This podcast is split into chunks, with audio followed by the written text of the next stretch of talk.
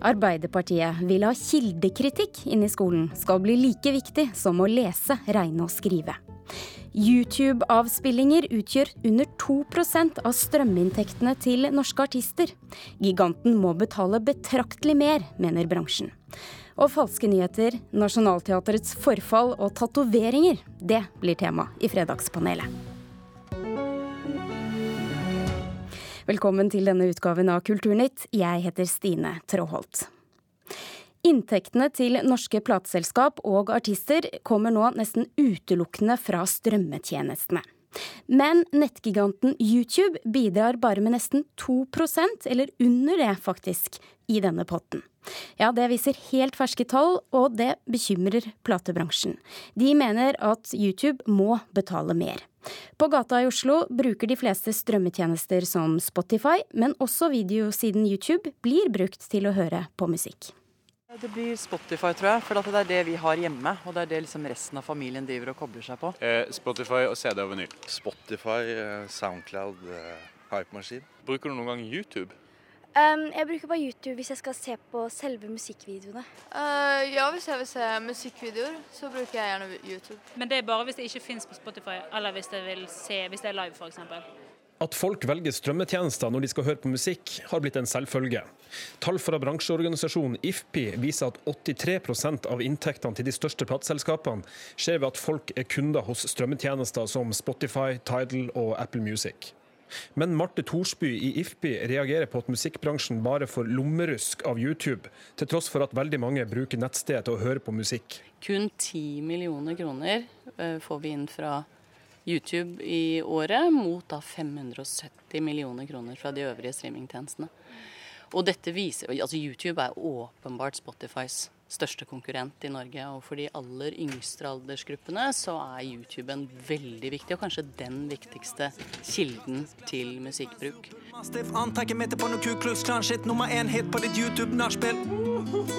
Det finnes ikke tall på hvor stor andel av musikklyttinga i Norge som skjer via YouTube. Men ifølge markedsanalyseselskapet Nilsen skjer halvparten av musikkstrømminga i USA via videotjenester som YouTube og Vivo, mens den andre halvparten kommer fra rene lydtjenester som Spotify. En forskningsrapport sier at amerikansk musikkindustri taper opp mot 1 milliard dollar i året på at YouTube betaler mindre i royalties enn det vanlige strømmetjenester gjør. Hvorfor betaler YouTube da så lite i vederlag til de som har lagd musikken? YouTube og Spotify lever under to helt ulike rettighetsregimer. Dette er EU-regelverk som er rimelig komplisert, men situasjonen nå er at YouTube utnytter et regelverk som overhodet ikke var ment for tjenester som YouTube. YouTube ønsker ikke å la seg intervjue om saken, men hevder i en e-post til NRK at de bidrar med store summer til den globale musikkindustrien. I løpet av de siste tolv månedene alene har YouTube betalt ut over en milliard kroner kun fra annonser. Og det tallet vokser år over år pga. lisensavtaler vi har på plass med et overveldende flertall av plateselskap og utgivere. YouTube bidrar til en betydningsfull og økende inntektskilde for musikkindustrien, på tross av å ikke være en musikktjeneste. Vi har et helt ulikt syn på det. og Inn i EU så er YouTube veldig tydelig sin, eh, i sin lobbyvirksomhet at de ønsker å opprettholde det regimet som er nå, hvor de ikke skal klarere musikken. Mens vi som da representerer alle som har rettigheter i musikken, både om det er plateselskap, artist eller opphavsmenn, vi er jo helt tydelige på at vi kan ikke fortsette å ha den skjeve markedssituasjonen vi har nå. Erle Strøm, som jobber med markedsføring og management av artister, sier at det er vanskelig å ikke skulle være representert på YouTube. Nei, det er jo unektelig en av de største kanalene der mange sjekker ut eh, både musikk og musikkvideoer. Eh, så det er en viktig kanal for de fleste artister, i hvert fall de med en yngre målgruppe å være til stede i. Også Marte Thorsby ser fordeler med YouTube, men hun mener de skal ha like vilkår som det strømmetjenestene har. Vi ser åpenbart verdien av YouTube, men vi ser samtidig at YouTube er en direkte konkurrent av Spotify, Apple, og, og Apple Music og Tidal, og må altså leve under det samme rettighetsregimet som de øvrige tjenestene. Ja, Det sa altså Marte Thorsby i Foreningen for plateselskapene IFBI, som sier at det kan komme en endring i EU-regelverket på dette senere i år. Og reportere Oddvin Eine og Daniel Eriksen.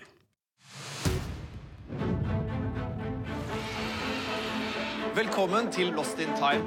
Dette er Norges mest spektakulære gameshow. Hver uke kan deltakerne vinne inntil én million kroner. De kjemper mot hverandre til en av dem stikker av med hele pengepremien. Og hvis du blir med å spille, kan du vinne nøyaktig like mye hjemme i stua. Se verdenspremieren Ja, Det er allerede mye omtalt, men nå mener teknologer at eh, TV Norge har valgt feil teknologi til storsatsingen Lost in Time. Reporter Kirsti Folk Nilsen, hva handler dette om? Ja, Vi har jo snakka om programmet flere ganger i Kulturnytt allerede. Um, Lost in Time er jo en storsatsing fra TV Norge der seerne i stua skal kunne konkurrere og vinne pengepremier gjennom en mobilapp. Men alt som kun går galt, det har jo gått galt, og folk har ikke fått vært med hjemmefra. Eh, De tekniske problemene de får teknologer til å stusse over flere ting, bl.a. av eh, valg av serverteknologi. Og at norske investorer har, eh, ikke har nok kunnskap til hva de faktisk satser penger på. Det er det Dagens Næringsliv som skriver i dag. Og hva skjer videre nå da? Nei, det som skjer videre er at de jobber på spreng med å få fiksa det, som de har sagt nå i flere uker. Og TV Norge har beslutta å la programmet fortsette, til tross for at de to sendingene har vært helt eh, katastrofe. Og nå tar de en pause for å sørge for at problemene ikke oppstår igjen. Og hvordan skal du nå komme deg fra dette til Hamsun, Kirsti? Har ikke peiling. Men vi går rett på. for Aftenposten skrev i går om billedkunstner Thomas Kvam som bruker hemmelige Hamsun-dokumenter i 28 malerier som stilles, stilles ut i Berlin. Hamsun han gikk til en psykoanalytiker på 20-tallet, og det er denne legejournalen som Kvam vil skal spres. Men det er det ikke alle som liker. Litteraturprofessor Tore Dem han er veldig skeptisk til prosjektet. Han stusser over beskrivelsen av at Hamsun, som, om at Hamsun er et mysterium og ei gåte, fordi det er jo kanskje ingen andre vi vet så masse om som nettopp Hamsun. Tusen takk, reporter Kirsti Falk Arbeiderpartiet vil ha kildekritikk inn i skolen som en såkalt sjette ferdighet, for å gjøre elevene bedre rusta til bl.a. å kunne avsløre falske nyheter. Forslaget ble stemt ned i Stortinget i tidligere vinter, men Arbeiderpartiet gir seg ikke og vil innføre det om de kommer i regjering.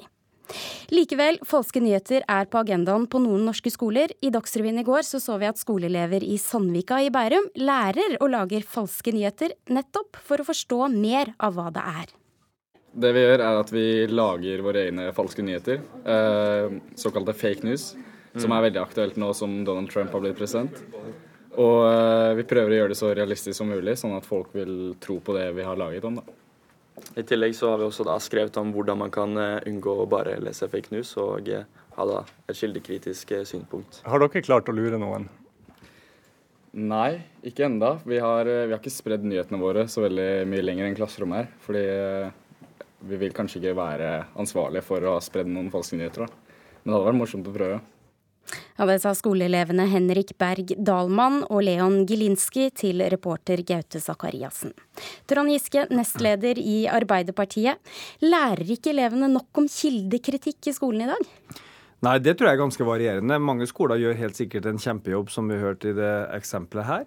Men så vet vi at det varierer. Og vi ser jo også nå at behovet er større enn noen gang. Vi trodde jo at Internett skulle gi oss alle tilgang på god informasjon og gjøre oss alle kloke. Og så viser det seg også at det er et uh, redskap for å uh, gjøre oss alle kanskje forførte og lurte.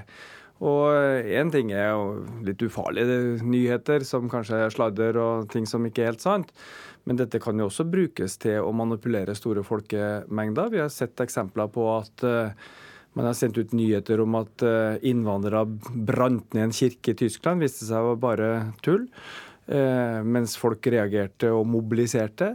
Dette er ting som kan undergrave demokratiet i ytterste forstand. Og det er helt nødvendig at hver enkelt har den evnen. Så dette er en ting vi må trene på, og som er veldig godt tilrettelagt for å kunne øve på i alle fag i skolen. Ja, Og så er det det. Hvordan tilrettelegger man? Dere mener da at en, dere vil innføre dette som en såkalt grunnleggende ferdighet. En sjette grunnleggende ferdighet. Hva mener du egentlig med det? Ja, I skolen så er det jo sånn at du har læreplan i fagene eller læringsmål i norsk og engelsk og matematikk. Og så har du i tillegg de overordna målene om at elevene skal tenke etisk bevisst. og kunne om miljøvern, altså være eh, samfunnsmennesker.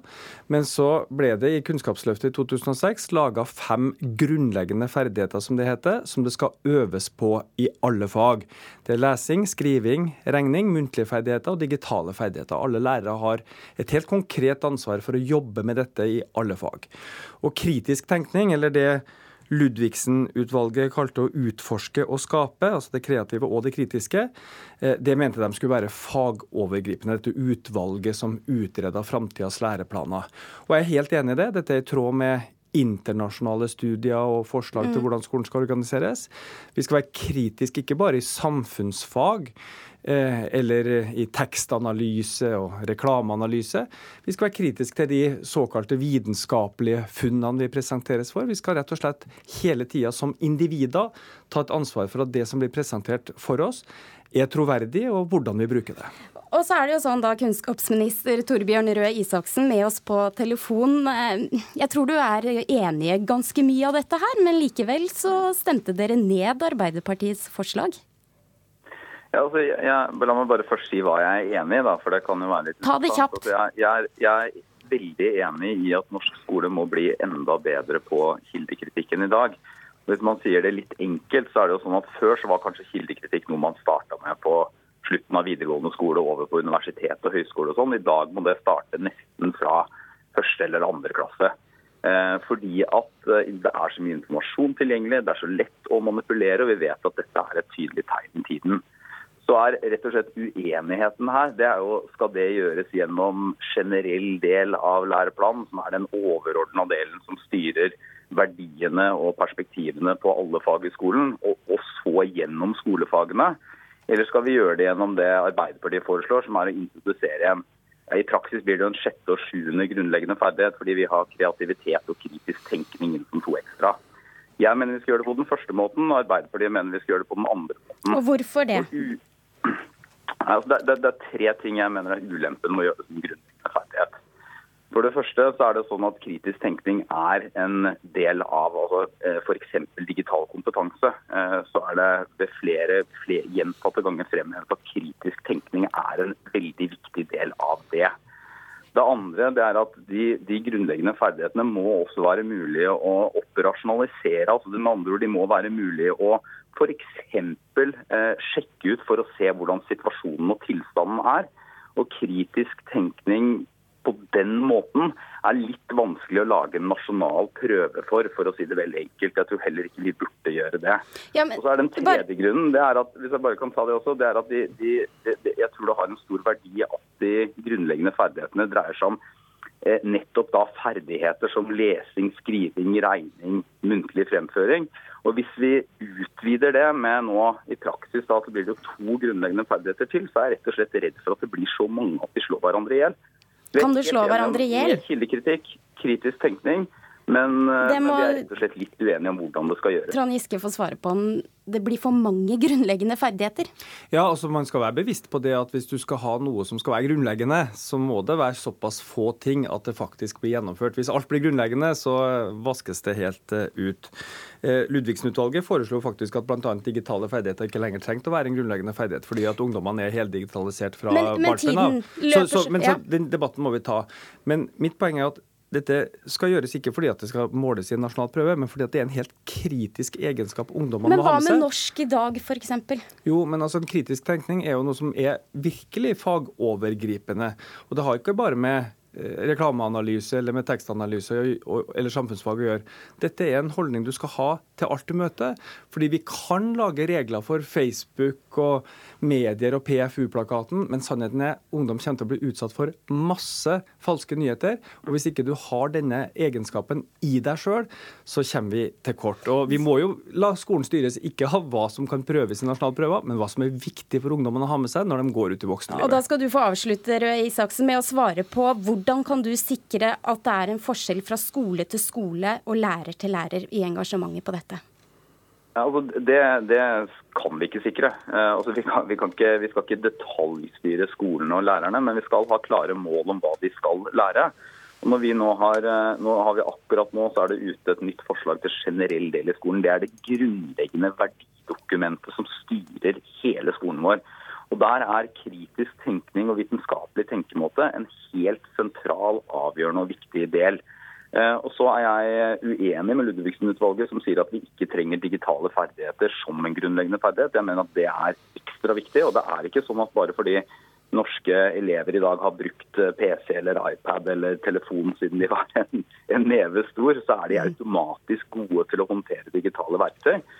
Så, så jeg, jeg, tror nok at, eh, at, i bunn og grunn, selv om eh, Giske og, og, jeg er uenige om akkurat hvordan dette skal gjøres, så er det enighet blant alle partiene på Stortinget om at kritisk tenkning, det å ruste elevene for en, for en virkelighet med enda mer fake news enn i dag. Jeg må, må avbryte deg, eh, Torbjørn Røe Isaksen, kunnskapsminister, og også si takk til Trond Giske fra Arbeiderpartiet, for jeg har mye å friste med i Kulturnytt før sendingen er over. Nyhetsoverskriftene nå her i Kulturnytt er at Russland kaller det amerikanske rakettangrepet mot en syrisk flybase for aggresjon mot en suveren nasjon og en brudd på internasjonal lov. Samtidig får USA full støtte fra britiske myndigheter etter nattas angrep mot president Assads regime. Statsminister Erna Solberg tror at eh, nordmenn flest forstår at hun ikke kan diskutere menneskerettigheter under besøket i Kina, som starter i dag.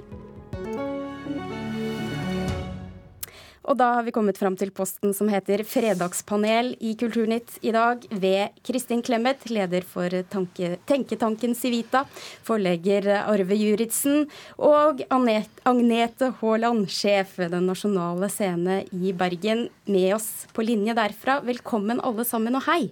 hei. Tusen takk, god morgen, god morgen.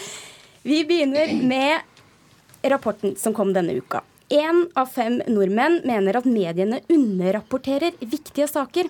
Det viser en undersøkelse som Norstat har gjort for NRK. Og spørsmålet vårt blir da ganske enkelt. Er dere en av dem? Kristin? Ja. Absolutt ja.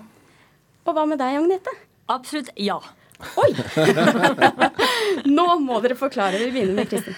Uh, ja, det er mulig at vi bruker litt uh, ulike eksempler. Men jeg syns, for å ta ett eksempel, at uh, mediene, og spesielt f.eks. denne institusjonen her, som er veldig viktig, underrapporterer og belyser i for liten grad næringslivets rolle i samfunnet. Næringslivets betydning for velferd og velstand. Hvis vi ser på NRK, da, så er det en veldig bred dekning av politikk. Veldig bred dekning av kulturliv, som vi er jo kulturradio nå. Og det er en enormt bred dekning av sport. Men næringsliv blir på en måte ikke dekket før det blir politikk. Eh, før det f.eks. er i kontroll- og konstitusjonskomiteen, eller, eller, før det blir utsatt for kritikk. Så dekningen av alminnelig næringsliv, hva skjer i næringslivet, det mener jeg er et klart underbelyst tema i norsk eh, presse, og særlig NRK. Jeg syns det mest oppsiktsvekkende med denne undersøkelsen er jo faktisk at fire av fem er fornøyd. De syns at dekningen er bra. Det syns jeg er sensasjonelt. Og da tenker jeg, hva i alle dager er de opptatt av? Det må jo være fotball og Donald Trump. Eh, og at fire av fem syns at det holder, det tenker jeg er ganske sensasjonelt. Men hva tenker du at blir underrapportert, da? Hvilke saker er det du jeg synes Først og fremst så har norske medier dessverre blitt innmari kjedelig, fordi det er så likt. Eh, det er motorveien man henter nyheter fra, og så er det ikke tid eller ressurser til å gå ned i de små veiene, stiene, de andre stedene og finne de spesielle og interessante historiene. Det syns jeg er en trist utvikling av. Eh, heldigvis noen unntak. Noen medier er fortsatt flinke til å fortelle andre historier, men mangfoldet syns jeg mangler. Og Agnete, hva mangler, syns du? Det er jo slik at vi alle er opptatt av det vi selv er opptatt av. Og jeg er opptatt av at det er for lite dekning av norsk kunst og kulturliv i norsk presse. Sier du det? Den nasjonale scene, mener du det? Nei, men det er jo slik Alle som ikke er i Oslo, opplever jo veldig at, at media er veldig fokusert på Oslo.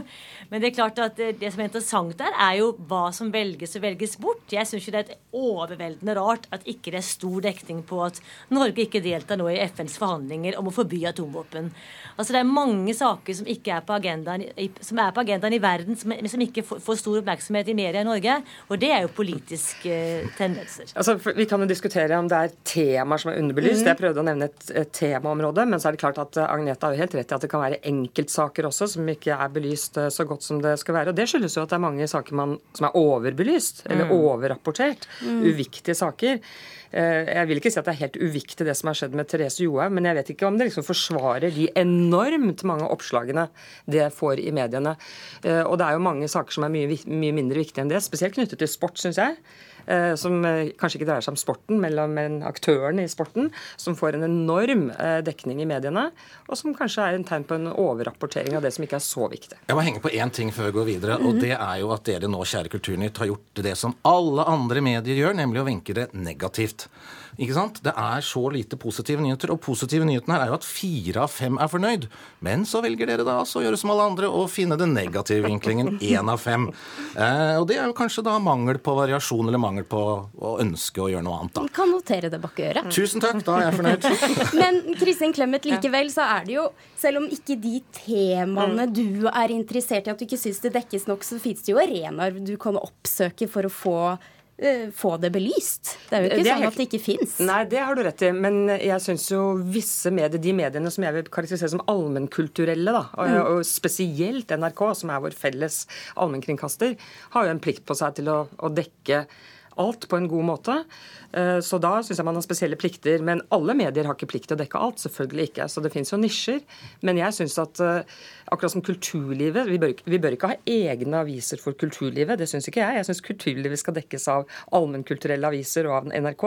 Så gjelder det samme for næringslivet. Der er jeg veldig enig med Kristin. Det som er viktig, er jo at ikke vi alle går inn i vår egen nisje, vår egen boble. Og jeg ser jo det bare på meg selv. Jeg oppsøker de nyhetene jeg selv er interessert i. Men jeg trenger jo også utsettes for nyheter som ikke er nødvendigvis vil oppsøke selv. Mm. Og det ligger jo i det klikksamfunnet og i det delingssamfunnet vi har, at vi deler gjerne med de som vi på en måte er enige med. Mm. Men vi trenger jo også utsettes for provoserende informasjon og nyheter fra felt vi egentlig ikke kan så mye om. Og når det er klikkene som avgjør, hva som, hva, eller den motorveien som ble nevnt, så er det klart at da er vi i fare for å snevre inn vår egen evne til refleksjon. Vi må hoppe videre. Dette er Kulturnytt, og jeg syns det er på sin plass å snakke om Nationaltheatret. Forfallet har kommet så langt at man frykter at liv kan gå tapt. Kostnaden for en full renovasjon kan komme opp i 5 milliarder kroner, men for 2017 så er det bare bevilget 2,5 million til en såkalt avklaringsfase. Spørsmålet blir da bør regjeringen sette alle kluter til for å få bygget i stand, selv om det kan gå på bekostning av andre deler av kulturbudsjettet? Agnete? Ja til det første, nei til det andre. Og to spørsmål. ja. Ja, jeg må også si ja og nei her. fordi jeg skjønner ikke helt at man ikke kan sette i stand Nationaltheatret uten å ta penger fra et eller annet korps. Det er jo en sånn dum trussel. Nei, ikke korpsene, men du kan finne en tunnel da, som man kan utsette noen år. Ja, det, men nei, altså, her må vi tenke litt. Grann. Hva er Nationaltheatret? Jo, det er et av fire store signalbygg på Karl Johan, vår viktigste gate. Slottet er pusset opp for en haug av penger. Universitetet er pusset opp for en haug av penger. Stortinget er pusset opp for syv hauger med penger, hvor man har brukt en milliard ekstra på en garasje. Så jeg skjønner ikke hvorfor Nationaltheatret henger etter. Har noen glemt det bort?